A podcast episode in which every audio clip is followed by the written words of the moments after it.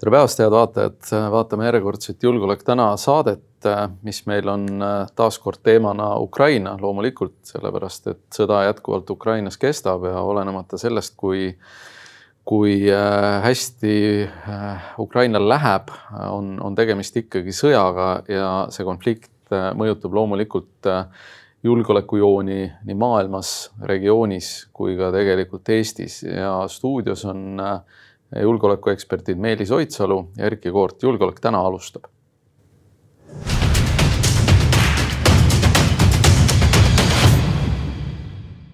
sõda kestab teist kuud ja tegelikult äh, äh ringleb üha rohkem ka selliseid äh, noh, meeme või, või selliseid naljakaid küsimusi, eks, et ka meie tänane saate pealkiri, et kas hoopis Venemaa vajab NATO-t, et kas Venemaa vajab NATO abi, et, et venelastel ilmselgelt ei lähe Ukrainas nii hästi, nagu nad lootsid. nagu terve maailm arvas, et neil võiks minna, ka ameeriklased on seda tunnistanud, et nad ülehindasid Vene ründevõimekust ja alahindasid Ukraina kaitsevõimekust. ehk et sellest ka tänase, tänase saate intrigeeriv pealkiri, et kas hoopis äh, hoopis Venemaa vajab NATO-t, sest Ukrainat, nagu me teame, sinna ju ei võeta. Ja kui Ukraina on teatanud, et noh, hea küll, et olgu siis pealegi, et et me esialgu, esialgu seda ei taha, aga, aga noh, me mõlemad mäletame tegelikult, et kahe tuhandendate aastate alguses räägiti päris tõsimeeli, peeti debatte sellest, kas Venemaa võiks kuuluda NATO-sse ja ma käisin siis äh, ka Balti Kaitsekolledžis, kus oli hästi palju rahvaid esindatud ja seal oli, peeti ka seminari sel teemal, et noh, mis tingimustel ja kes võiks, seal räägiti ka Jaapani võimalikust ja Austraalia võimalikust NATO-sse äh, võtmisest ja noh, juba siis oli tegelikult see põhiküsimus, mis nagu takistas mõistlikult arutada selle üle Vene sõjapidamise viis, mis äh, noh, Tšetšeenia sõjas oli kuidagi avaldunud. et, et noh, juba siis oli näha, et mismoodi see režiim sõdib ja oli ka noh, paljude jaoks ilmselge, et sealt ei tule nagu suurt midagi liikmelisuse perspektiivi mõttes mm. -hmm. tõsi ta on, ringleb ka üks, üks nali selle kohta, et, et Ukrainas on tegemist Venemaa-Ukraina konfliktiga, hukkunud juba seitseteist tuhat sõdurit. NATO ei ole veel saabunud ehk et ehk et see on, see on see küsimus, et ähm, mis, mis meid kõiki tegelikult ju vaelub, et äh, mis saab edasi, sellepärast et äh, tegelikult eelmiseks reedeks ennustas USA luure Venemaa logistika kokkukukkumist. mul on tunne, et äh, noh, kas on siin mingi oluline muutus tekkinud, mida toona ei osatud arvestada või on see, et, et Venemaa logistikat hinnati lihtsalt USA parameetrite järgi, sest noh, nagu me teame, Venemaa logistika, ta võib küll logiseda, aga ta mingites kohtades võib olla noh, nii-öelda piltlikult öeldes tõusta maast üles, lüüa tolmu puhtaks seal, kus lääne logistikad tegelikult lakkavad töötamast juba. ja no viimane aasta, noh, räägime Afganistani, eks ole, režiimi vahetusest, mis äh, käis kuidagi õudustäratavalt kiiresti. et ongi näidanud, et luure sageli eksib ja see on noh, mõnes mõttes normaalne, sellepärast et sihukeste nagu suletud süsteemide vastu on suhteliselt võimalik edukalt mingisugust nagu mõistmist kujundada. see takistab osaliselt ka noh, selline ütleme emotsionaalne või kultuur, kultuuriline tõke, et väga raske on ennast noh, siin ühiskonnas elades, eks ole, panna siis kasvõi meie kohaliku venelase äh, nii-öelda pähe või kes, kes Putinit selles operatsioonis ka võib-olla mm -hmm. toetab, et see ongi keeruline ülesanne, aga noh, tervikuna operatsiooni faasis nüüd ollakse jõutud sinna, et läbirääkimiste sildi all või ajal siis Venemaa äh, fokusseerib ümber oma operatsiooni Donbassi ja või Luhanski ja Donetski nii-öelda rahvavabariikide vabastamiseks. no tõenäoliselt on see pikem plaan lähiajal teha, mm, viia lõpuni ka nende vabariikide annekteerimine ja pärast seda siis noh, rääkida juba hoopis uuest olukorrast, sellest, kuidas Ukraina ründab Venemaa territooriumi ja see pakub juba täiesti uusi nagu eskalatsiooni võimalusi ja tõstab omakorda siis ärevust ka läänes. ja see on äh, päris huvitav, mis on ka täna, äh, täna hommikune sõnum, vist toimus küll eile, kus äh, väidetavalt siis äh, Ukraina raketid tabasid ühte laskemoonaladu Venemaal, Venemaa ise ütles, et tegemist on inimliku eksitusega, et äh, mis selle lao plahvatama pani. noh, ütleme. mis on ka usutav. mis on jah usutav loomulikult sellise, selle riigi puhul alati.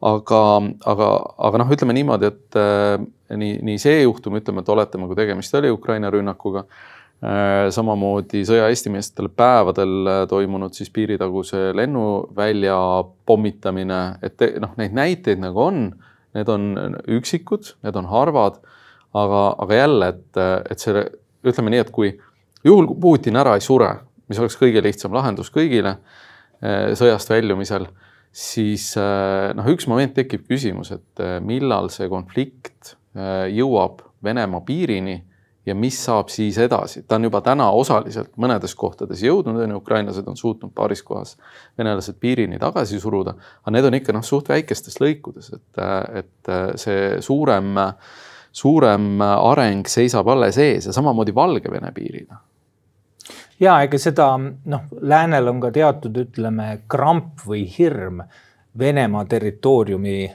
ründamisel. et seda nähakse ka läänes selgelt eskalatsiooniga ja see osaliselt takistab, ma arvan, ka Ukraina vägede tegutsemist, noh, nii-öelda seal äh, piiriäärsetes mingites logistikasõlmpunktides selleks, et neid hävitada ja, ja mitte võimaldada siis äh, venelastel oma vägesid kuidagi tagada ja, ja ümber formeerida, et, et noh, sellest tuleb ka NATO-l samuti mingi hetk lahti öelda, sellest tabust, sest et noh, kui sind avalikult ja täiesti ametlikult lihtsalt äh, sõjaliselt rünnatakse, peetakse su vastu vallutussõda, siis noh, see ei tohiks olla piirang, et sa ei või seda asja viia siis konkreetsete sõjaliste sihtmärkide äh, suhtes kuumaks ka seal Vene territooriumil ja me, me räägime küll, e, ütleme, et Eesti piirkonnast või Eestist ja Balti piirkonnast äh, saate teises pooles ja ma ütlen ikkagi selle kommentaari siia juurde ära, siia ta väga hästi sobib, et et ma küll ei kujuta ette selle NATO, NATO-l selle tabu juurde jäädmist, sest mina ei kujuta ette, kuidas on võimalik Balti riike kaitsta selliselt, et äh, sa tegelikult äh, ei puuduta grammigi Venemaa territooriumi, on ju, et noh, kasvõi Kaliningradi või, või nende rünnakute äh, siis äh, mahavõtmist, mis lähtuksid, lähtuksid Venemaa territooriumilt. nii et, et kindlasti noh, NATO, kui, kui see on, kui see on see kramp, eks siis, siis noh, tuleb sellest üle saada, et vastasel juhul noh, ei ole võimalik seda sõda lihtsalt võiduka lõpuni viia ja noh, praegu on lääs valinud sellise, inglise keeles on niisugune termin nagu proxy war, ma isegi ei tea, kuidas eestikeelne vaste no, varisõda võiks olla. varisõda, ühesõnaga lääs on valinud ja see on ka lääne jaoks nii veidralt, kui see ka kõlab nagu noh, võimalus ikkagi Venemaaga äh, seda kaitsesõda pidada ja läänest ja lääne abist nüüd hakkab lähikuudel otseselt sõltuma, kas Ukraina üldse suudab noh, oma sõjalisi operatsioone läbi viia või mitte. natuke on kosta ka Ameerika mingites üsna mõistlikes sellistes äh, portaalides üleskutseid, et kuulge, et isegi see proxy war, et noh, kui enne räägiti sellest, et lääs avalikult läheb mingite sõjaliste võimetega noh, tsiviilisikuid kaitsma kasvõi sinna et siis nüüd juba mõeldakse, et okei okay,, et see proxy war ka, et see ei ole nagu noh, kestlik ja kokkuvõttes ta toob rohkem kahju kui kasu ja noh, inimesed jätkuvalt surevad ja, ja noh, rahufakti pole ka ilmnenud. et, et noh, see surve tõenäoliselt lähiajal kasvab ja ma usun ka, et see kasvab ja ilmselt on, on juba seal selliseid arenguid, millest me täna avalikult võib-olla lihtsalt ei tea, sest äh, see on selge, et Venemaa sõjategevus ka tsiviilelanikkonna vastu on brutaalne osalt seetõttu, et lükata massid liikuma, noh nii nagu tehti tegelikult ka Süürias äh, ja noh, Euroopa ägas selle käes, mis tähendab, et Euroopa tähelepanu läheb ka sellele. Ukrainast tuleb sõjapõgenikke, noh, on selge, et äh, varem või hiljem tekivad äh, noh, elukondlikud probleemid, tekivad äh, mingisugused äh, konfliktid, äh, see on, see on noh, igal pool, kus sisseränne sellisel kujul lühikese aja jooksul ja, ja suhteliselt suures ulatuses on toimunud. ja, ja Venemaa väga selgelt noh, arvestab seda, see on üks selline sõjapidamise moodus, et nimetatakse siis seda Gerassimovi doktriini osaks, osaks või mitte. aga nüüd noh, mis, mis võiksid ikkagi olla need Ukrainas need arengud ja, ja mõnes mõttes ka lahendused? No ega seal nagu head lahendust praegu ei paista, sest et läänes on ka siiski noh, mõningaid valitsusi, Suurbritannia valitsus näiteks, Ühendkuningriigi valitsus on juba ütelnud, et noh, nende jaoks mingisugune läbiräägitud okupatsioon ei ole noh, see, mida mhm. otsitakse, et soovitakse ikkagi Vene vägede täielikku lahkumist. ega Vene väed ka Kiievi suunda ei jäta, sealt tuuakse Valgevenest äh, vägesid juurde ja nende eesmärk on hoida Kiiev noh, sellises Mm, noh, äh, ütleme suurtükitule ulatuses, mhm. kus, kus, kus ei ole võimalik tegelikult normaalset elu elada, ehk siis äh, kaevad ennast sinna, kaevata ennast sinna sisse ikkagi kuhugi. Irpini äravõtmine ukrainlaste poolt oli nüüd noh, äh, suur võit ukrainlastele mm, -hmm. aga tervikuna noh, see taotlus näib olevat, isegi kui ta on ebarealistlik, et siis see taotlus näib olevat ka Kiiev hoida nii-öelda Vene Äh, mürskude kontrolli all mm. -hmm. ja, ja noh, sellise konflikti puhul äh, me võime ka rahust rääkida ikkagi teatud lühikese perioodi ajal, sest et kui ka noh, tuleb mingisugune veider äh, läbirääkimiste tulem seal, siis Ukraina kindlasti jätkab ka geriljasõda. sõda kui selline jätkub igal juhul kahjuks pikemat aega.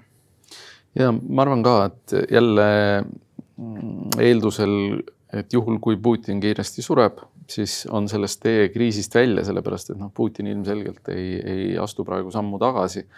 sest eh, noh, see on otseselt seotud tema võimul püsimise, võimule jäämisega. Ehm, noh, ütleme, et kõige, kõige hullem on jah see, kui tekib vaherahu eh, Venemaa soovitud tingimustel ja, ja, ja seda toetab ka lääs, et, et igal juhul saada üks põgenike liikumine pidu, pidama, sest ega noh, ju põgenikud isegi ei taha Ukrainast lahkuda, eks, et eh, lihtsalt keegi ei saa elada seal tule all. Eh, see, mis toimub, on ju Mariupolis, on, on ühelt poolt kangelaslik, teiselt poolt noh, absoluutselt häbiväärne.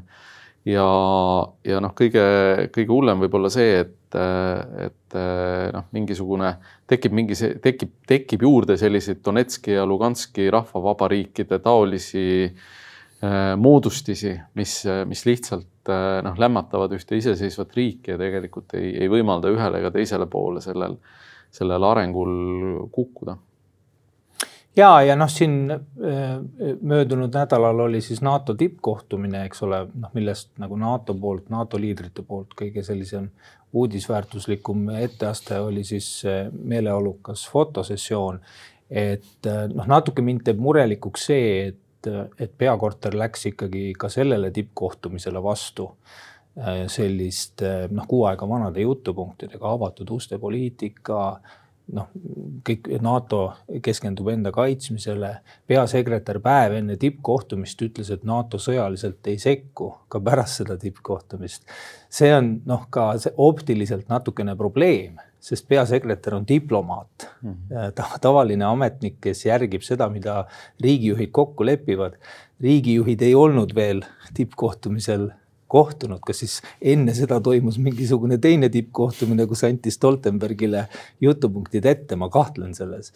et, äh, et jah, et seal on ka NATO-l natukene vaja noh, üles ärgata ja tajuda ka seda uut reaalsust kuidagi paremini sest ka noh, kui ma vaatan Twitteris ka neid mingisuguseid heidutussõnumeid, kuidas mingeid pataljone tuuakse, noh, pataljon on nii väike üksus, ma räägin Ida-Euroopa kaitse tugevdamisest. et noh, see on, see on naeruväärne lihtsalt nagu sõjaliselt mõtleva inimese jaoks sellest üldse juttu teha kuidagi heidutuse suurendamisena, et NATO veel ei ole päriselt eh, unest ärganud ka oma kollektiivkaitse mõttes. Norras tehti, eks ole, suur õppus mm. -hmm ma eeldan ja loodan, et seal on midagi pistmist äkki Soome-Rootsi, Soome või Rootsi tulevase liitumisega, et siis on vaja turvata, eks ole, Põhjalas natukene kandidaatriiki. aga kui see nii ei ole, siis ka see kolmekümne tuhande meheline õppus Norras, noh, tekitab küsimärke, sest see inimesed ja tehnika väsitati seal õppusel ära.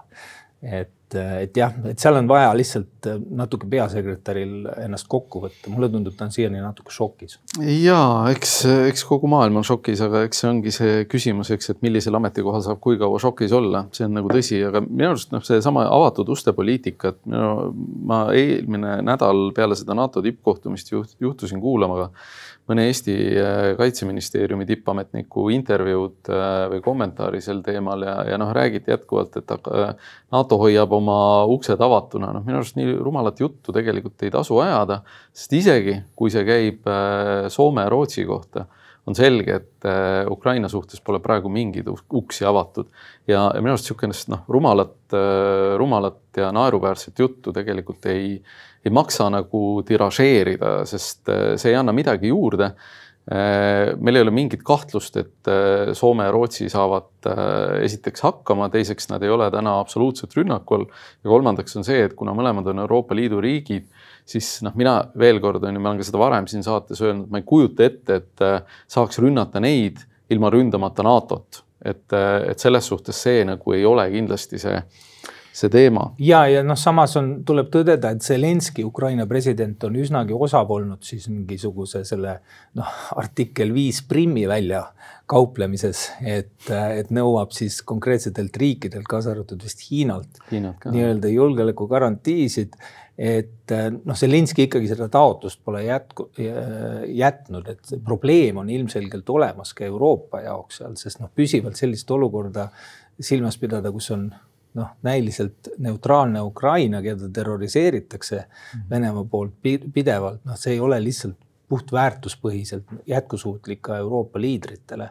et, et selles osas noh, jah, peaks natukene rohkem vähemalt selle avaliku diplomaatia sektsioonis noh, sõnumeid läbi mõtlema NATO poolt ka absoluutselt, noh lähiajal on tulemas veel üks äh, NATO tippkohtumine, kuhu on kutsutud siis äh, NATO-ga kohtuma Ukraina, Moldova, Gruusia, Äh, Soome, Rootsi äh, ja ka näiteks Austraalia ja Uus-Meremaa.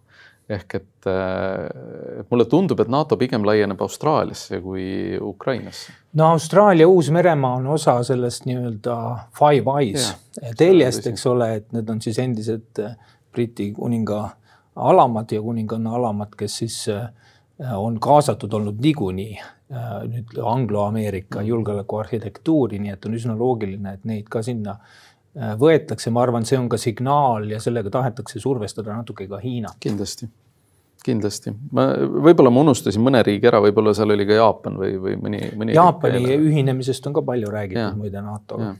ja ta on ju noh, Ameerikale ju üsnagi lähedal, lähemal kui Eesti lähemal kui Eesti ja, ja siis äh, kuuleme me ka seda, et, et NATO teeb järjekordse katke, katse Venemaad ümber piirata, sest äh, teatavasti on NATO Venemaast nii idas kui läänes ja, ja siis ka kagus. aga äh, nüüd me oleme rääkinud palju Ukrainast, nüüd lähe, läheme Eesti juurde ja vahetamegi teemat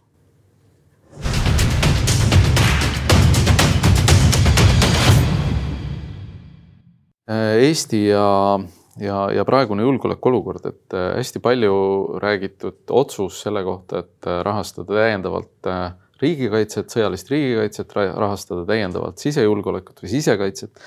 nüüd eelmine nädal tuli ära, aga kohe hakkas kõlama ka selliseid siit-sealt selliseid noote, et noh kas me peame ikka kõiki asju tegema, mis meil mõttes on, sellepärast et noh, äkki see kriis kuidagi lahtub ja läheb mööda. et me mõlemad oleme olnud riigiteenistuses äh, ka sellel ajal, kui aastal kaks tuhat kaheksa, eks äh, rünnati Gruusiat, kaks tuhat neliteist rünnati äh, Ukrainat, eks Krimmi okupeerimine ja tegelikult ju mudel oli sama, et alguses investeeringud, otsused, teeme, lähme analüüsime, teeme paremaks.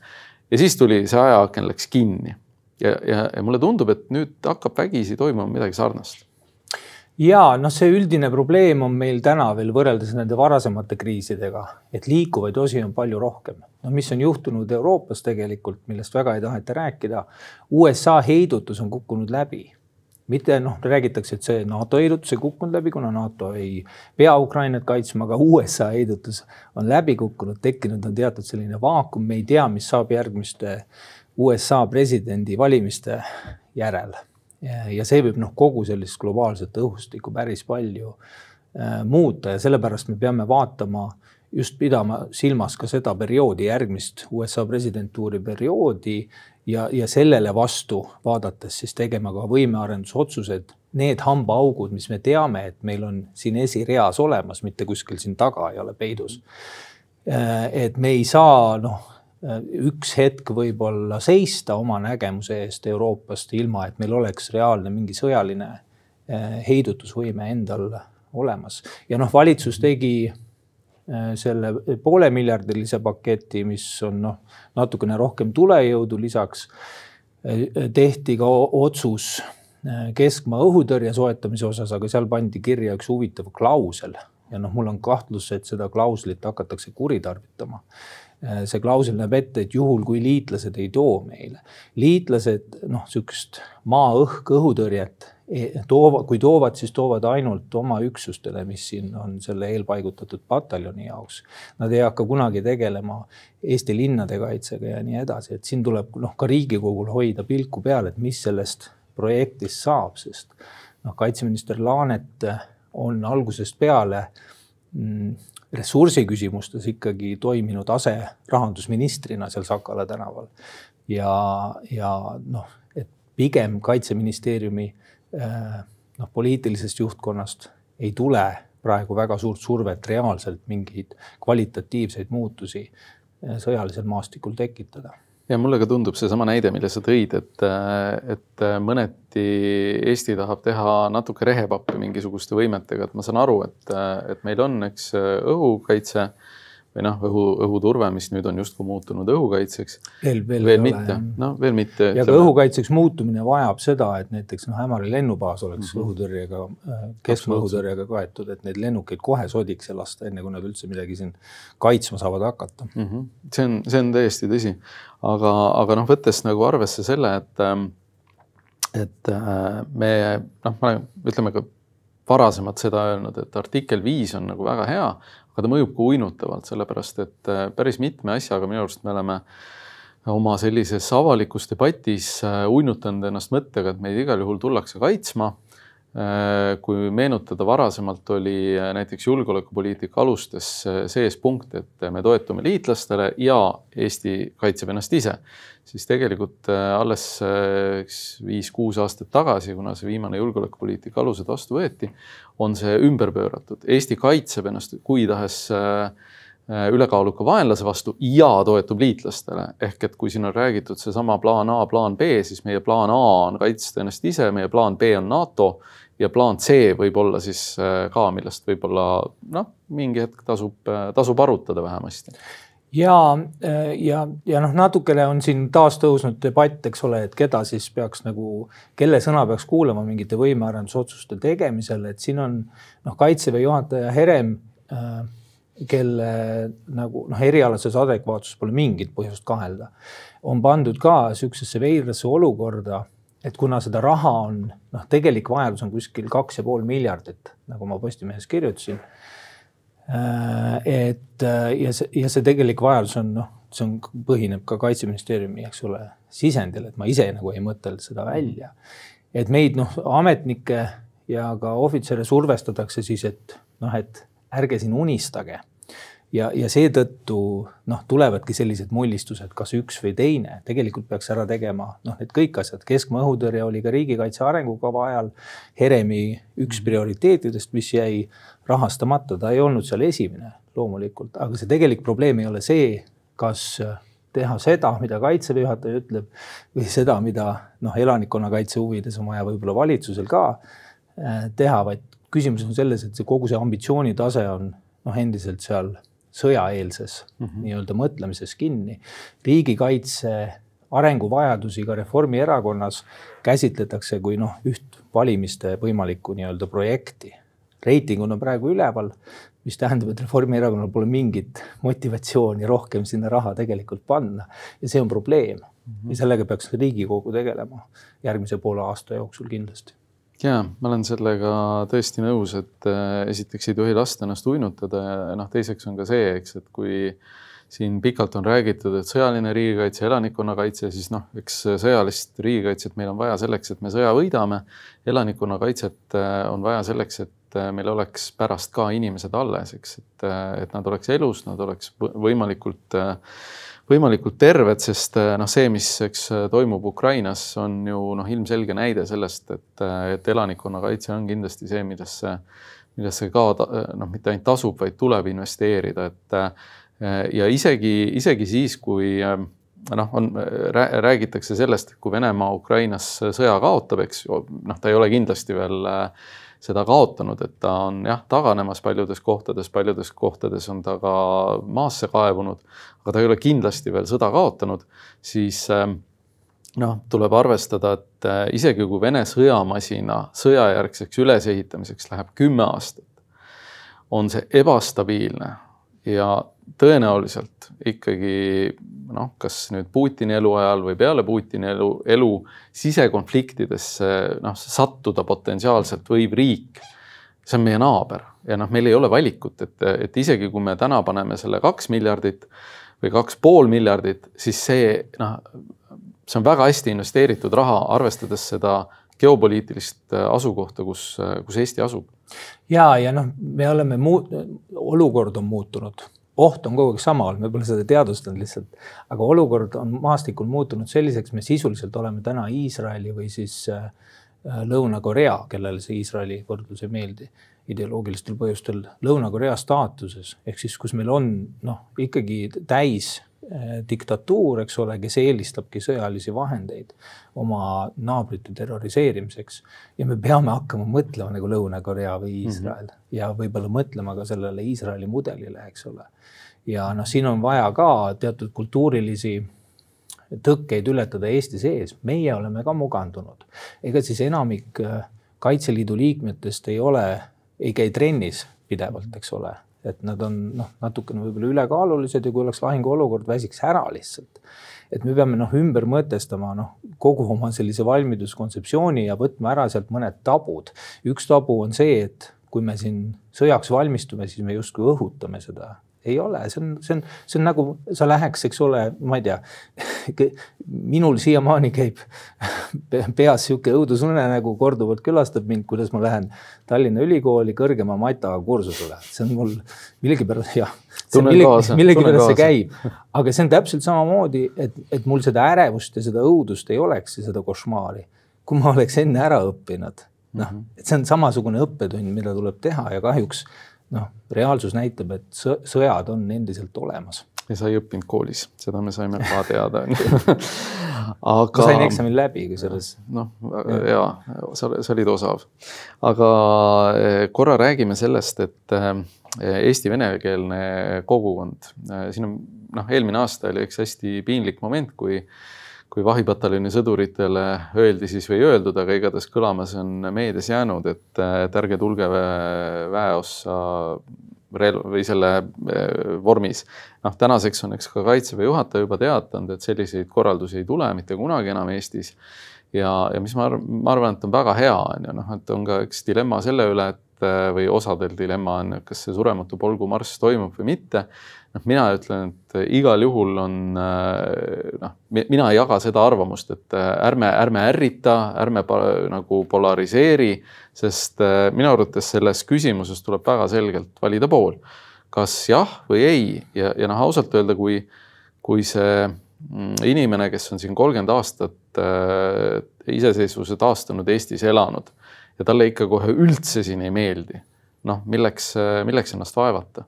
Mina mäletan aprillimäsu eel, kui edukalt suudeti noh, just seda vältida, et ütleme seal pronkssõduri äh, mäsule oleks tulnud mingid muud, muud moodi meelestatud inimesed, kes oleks hakanud võib-olla ka vägivalda kasutama seal oma nii-öelda rahvusidentiteedi kaitseks, ma pean silmas noh, hästi eestimeelseid inimesi. ja, ja noh, midagi sellist, sellist noh, hillitsetust siiski nagu tarka hillitsetust ja väärikat hillitsetust ikkagi pigem nagu soovitakse rakendada, et noh, kui eile ka siin äh, Postimehe üks äh, arvamustoimetuse äh, artikkel kutsus üles, et lähme kõik ja paneme lilli sinna, noh, et teeme nagu rahvarinnet. või, või nagu tegime seal Toompea lossiga, kui Edgar Savisaar kõiki appi kutsus, siis ma ei ole kindel, et see on nagu päris noh, hea viis nagu selle olukorra reguleerimiseks, et, et peaks mõtlema, kuidas oma seda rahvusväärikust äh, äh, kuidagi väljendada niimoodi, et see ei oleks äh, noh, konflikti otsiv mm, -hmm. ütleme niimoodi, et niisugune konflikti Äh, konfliktivaba väärikus võiks kuidagi saada äh, normiks, et ja noh, inimeste noh, deporteerimist ja sellist, ütleme selliseid asju, mida EKRE on siin üles kutsunud tegema, kelle Uued Uudised portaal muide pani eetrisse libauudise selle kohta, kuidas mm. toimus mingi massikaklus mm. -hmm. noh, see portaal on noh, ka, ka varem sellega silma paistnud ja. ja nad on poole valinud ja see on noh, see on täna juba julgeolekuasutuste tegelikult pärusmaa, et miks sedasi tehakse aga, aga pigem jah, et niisugune tark hillitsetus ja, ja noh, kandilik lähenemine. mina, mina, mina ütlen selle, selle juures, et ma ei, selle poolega ei ole nõus, et, et me peaks igal juhul konflikti vältima. minu arust on konflikti õhutada ei ole tark, aga teha kõik selleks, et igal juhul püüda teist poolt kuidagi mõista. ma arvan, et see aeg on läbi saanud. Meil on täna äh, maailma poliitikas ikkagi väga suur muutus. ja, ja ma olen täiesti veendunud, et igasugused äh, mõistmised Georgi lintide ja muu sellise sõjasümboolika osas äh, peavad olema saanud ajalooks. Ja ma arvan, et need tuleb Riigikogul äh, keelustada kindlasti enne üheksat maid. Ja ma arvan, et riik peab väga äh, otsusekindlalt reageerima kõikidele üleastumistele mitte nii, nagu me oleme siin mõnikord näinud, eks siinsamas vahipataljoni ees, see ei ole nüüd kuidagi vahipataljoniga seotud, lihtsalt asukoht on selline, kus äh, surematu polgu marss, äh, mis on olnud registreeritud varasematel aastatel kõnniteele, paneb seisma autoliikluse ja, ja lihtsalt äh, laamendab ja laiab. et ma olen täiesti veendunud, kõik sellised asjad tuleb nagu absoluutselt äh, likvideerida ja, ja ei saa lasta sellisel äh, arusaamal, sellisel putinismil siin laiata. Ja ei, see on õige, aga noh, seda peakski tegema intelligentselt, professionaalselt, kõigepealt sõnumi selgus, ma olen nõus sellega, et see, kui riik ütleb, et teatud asju ei tolereerita, et täna sel aastal peame nagu asju teistpidi et siis äh, lõpuni veenda seal kedagi pole võimalik, aga noh, et siis peakski nende olukordade, olukordadega tegelema politsei, noh, teised asutused ja ütleme sellist noh äh, kodukaitset pole mõtet formeerida, eks ole, et kes mhm. hakkab siis vaatama meelsuskontrolli ise kodukaitse on juba olemas. ise, ise teostama nad ei oska seda, nad pole selleks välja õppinud ja nad noh, äh, toidavad mõnes mõttes ka neid kaameraid, kes siin mõni ikkagi, ma arvan, satub siia, kes ka Venemaale pilti edastavad. Venemaa otsib seda mm -hmm. nüüd äh,, seda võimalust seal mingi uus rinne avada. noh, las ta otsib, selles suhtes me mõlemad teame, et Venemaal ei ole vaja ühtegi faktilist ettekäänet, et midagi teha. Venemaa, kui ta seda fakti ei leia, ta mõtleb selle ise välja. nii et selles suhtes ma nagu sellisest äh, tagasihoidlikust äh, või alalhoidlikust stiilist äh, küll ei, loobuksin täiesti. ja, ja, aga noh et ütleme, niisugust mahtra sõda pole vaja ei, mahtra sõda ei ja, ole vaja. et see talupoeglik mahtra, sarm on alati mahtra, olnud Eesti rahvusidentiteedi osa. mahtra sõda oli eks mõisa vastu ah., mõis on täna meie käes, Meelis, et selles suhtes mõis on meie käes. mõis ei ole meie käes, mõis on iganenud äh, ja. no ma räägin kujundlikult. jah, kapitalistliku ekspluatatsiooni üks jubedamaid ilminguid. just, aga, aga noh, täna on, äh, toona ei olnud mahtra sõja ajal ei olnud riik meie, täna on riik meie ja, ja ma ja, arvan, aga siis et... peakski nii käituma, see riik on meie, kui isegi kui keegi seal kuskil provotseerib, riigi ja. poolt määratud ametnikud tegelevad just. sellega. aga noh, me ei pea ise minema siis jah, seal nagu. ei, ma ei, mina ei kavatse muidugi lilli viia pronkssõdurile ja, aga ma arvan, et see sõnumi selgus peaks ka olema ja Läti, isegi Läti on sellega päris hästi hakkama saanud, isegi Ušakovs, eks, keda on ja, peetud Kremli-meelseks. Äh, peaasi on sõnumi selgus, et ja, on teada, mida oodatakse ja. ja siis on aega tegeleda ettevalmistavalt siis selle noh selle asja realiseerimisega, aga kui viimasele hetkele jäetakse mingisugused nii-öelda sõnumdamised, siis noh, see potentsiaal, et see asi lihtsalt isevooluteed läheb, vägivaldse isevooluteed on päris suur.